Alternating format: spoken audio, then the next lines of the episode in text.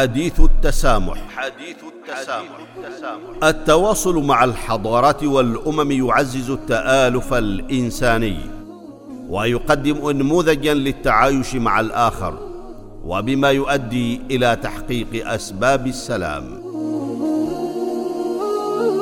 حديث التسامح برنامج يعده ويقدمه معالي الدكتور محمد بن سعيد المعمري وزير الأوقاف والشؤون الدينية حديث التسامح, التسامح.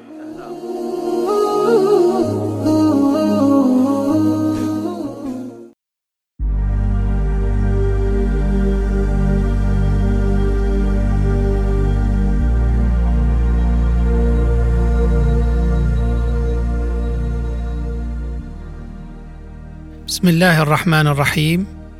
الحمد لله والصلاة والسلام على رسول الله وعلى آله وصحبه ومن والاه والتابعين لهم بإحسان إلى يوم الدين.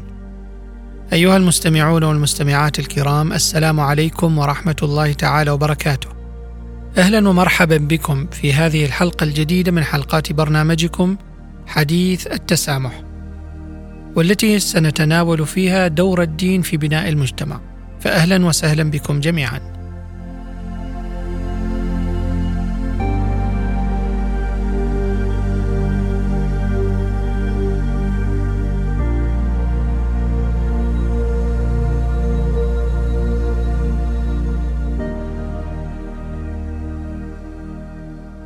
تطرقنا في الحلقة الماضية إلى دور التربية الدينية في إنشاء الأجيال وتعزيز المواطنة الصالحة ولا ريب أن الأجيال يعول عليها كثيرا في صناعة المجتمعات وبناء الأوطان.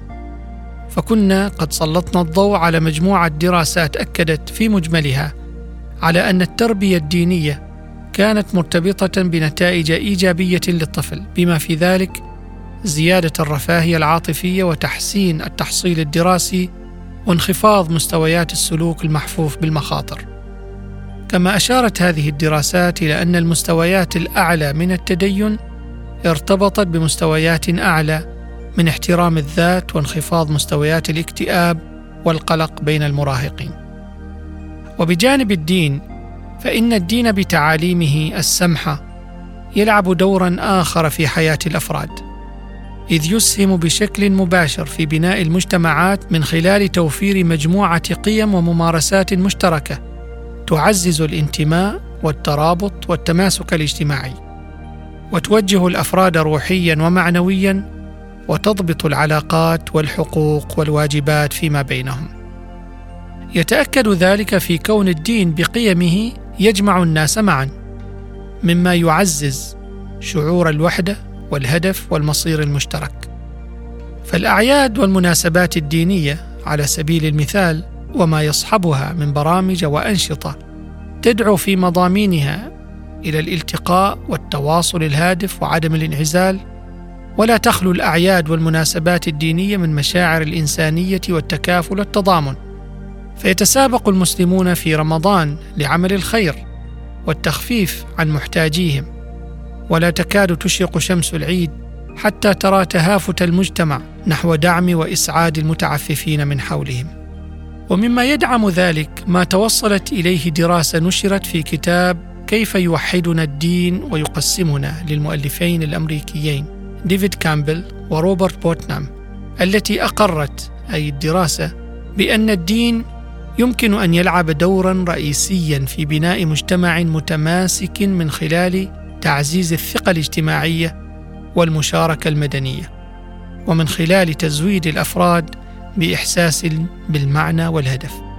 وأكدت دراسة مشابهة نشرتها مجلة علم النفس الاجتماعي على أن الأفراد الذين يشاركون في الشعائر الدينية بانتظام هم أقل عرضة للتوتر والاكتئاب وأكثر رضا عن الحياة. وفي هذا يعتقد الباحثون وجود علاقة بين الدين وتعزيز الرفاهية والصحة العقلية من خلال تزويد الأفراد بشعور من المعنى والهدف والانتماء للمجتمع. وكل أعمال البر والخير إضافة إلى قيم الكرم والتعاطف وإحقاق العدالة الاجتماعية تغرس في الأفراد حب التعاون والتعاضد والتحلي بالمسؤولية الاجتماعية. فيدرك الأفراد أهمية العمل الصالح والمواطنة الصالحة من أجل استقرار ورفاهية المجتمع لتصب كل الجهود والإسهامات الفردية والجماعية في إنشاء مجتمعات أكثر عدلا وانصافا.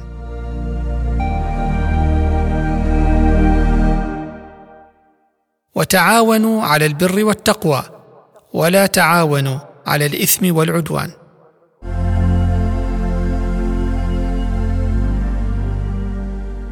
أيها المستمعون والمستمعات بالتعاليم السمحة ركز الدين على تعزيز الرحمة والتعاطف والإيثار. ودعا إلى التعاون فقط فيما فيه الخير للفرد والمجتمع. ذلك كله حفاظا على النظام الاجتماعي والحد من النزاعات والصراعات. فالمسلم السمح الذي يتمثل لأوامر ربه وهدي رسوله صلى الله عليه وآله وسلم لا يمكن أن يكون عدوانيا وذا نزعة للفجور والخصام بل عد الإسلام مجموعة من الخصال السيئة التي تضر بالأفراد ويتعدى ضررها المجتمع خصالا للنفاق. يقول النبي صلى الله عليه وآله وسلم إذا حدث كذب وإذا وعد أخلف وإذا خاصم فجر وإذا عاهد غدر. وبقدومه أنشأ الإسلام قوة اجتماعية موحدة. امتزجت فيها الأعراق والأجناس بتعزيزه شعور الهوية والانتماء إليه.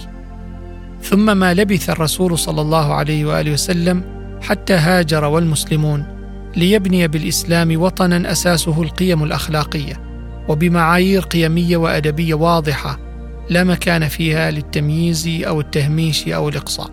وفي الوقت ذاته الذي حمى فيه الإسلام القيم الفاضلة وبنى النسيج الاجتماعي والوطني المتماسك دعا كذلك إلى التعارف والتواصل مع الآخر دون المساس بالثوابت. فهو عندما دعا إلى التعارف في قوله تعالى وجعلناكم شعوبا وقبائل لتعارفوا إن أكرمكم عند الله أتقاكم.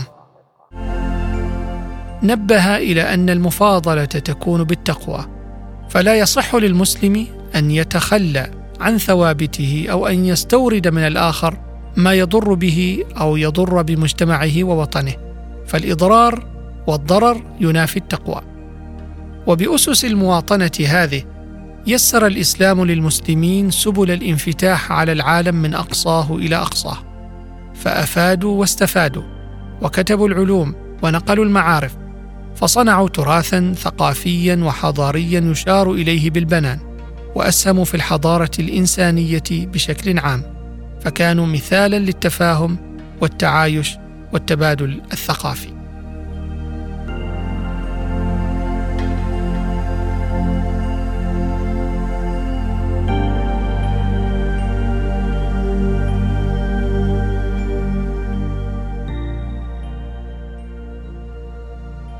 أعزائي المستمعين والمستمعات يوفر الدين للأفراد والمجتمعات شعورا واحساسا بالأمان والدعم في الأوقات واللحظات الصعبة.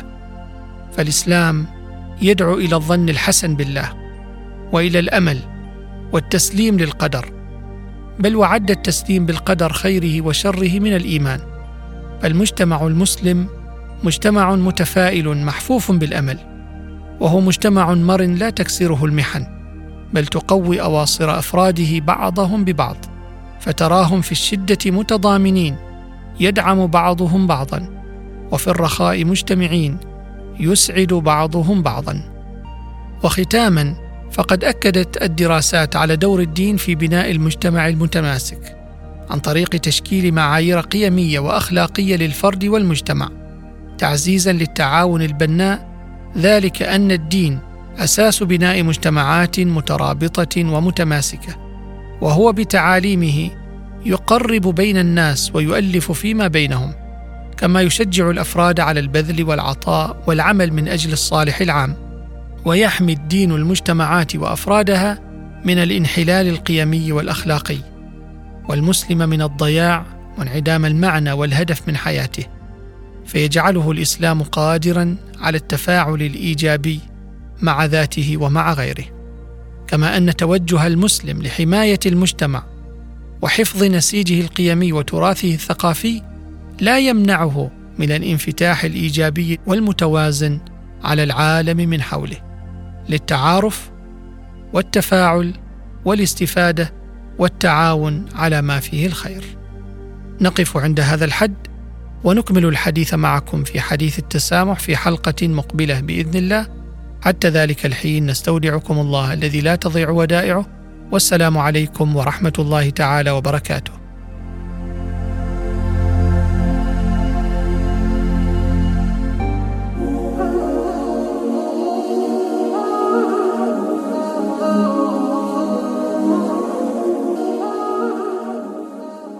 حديث التسامح. حديث التسامح. التواصل مع الحضارات والأمم يعزز التآلف الإنساني ويقدم نموذجا للتعايش مع الآخر وبما يؤدي إلى تحقيق أسباب السلام.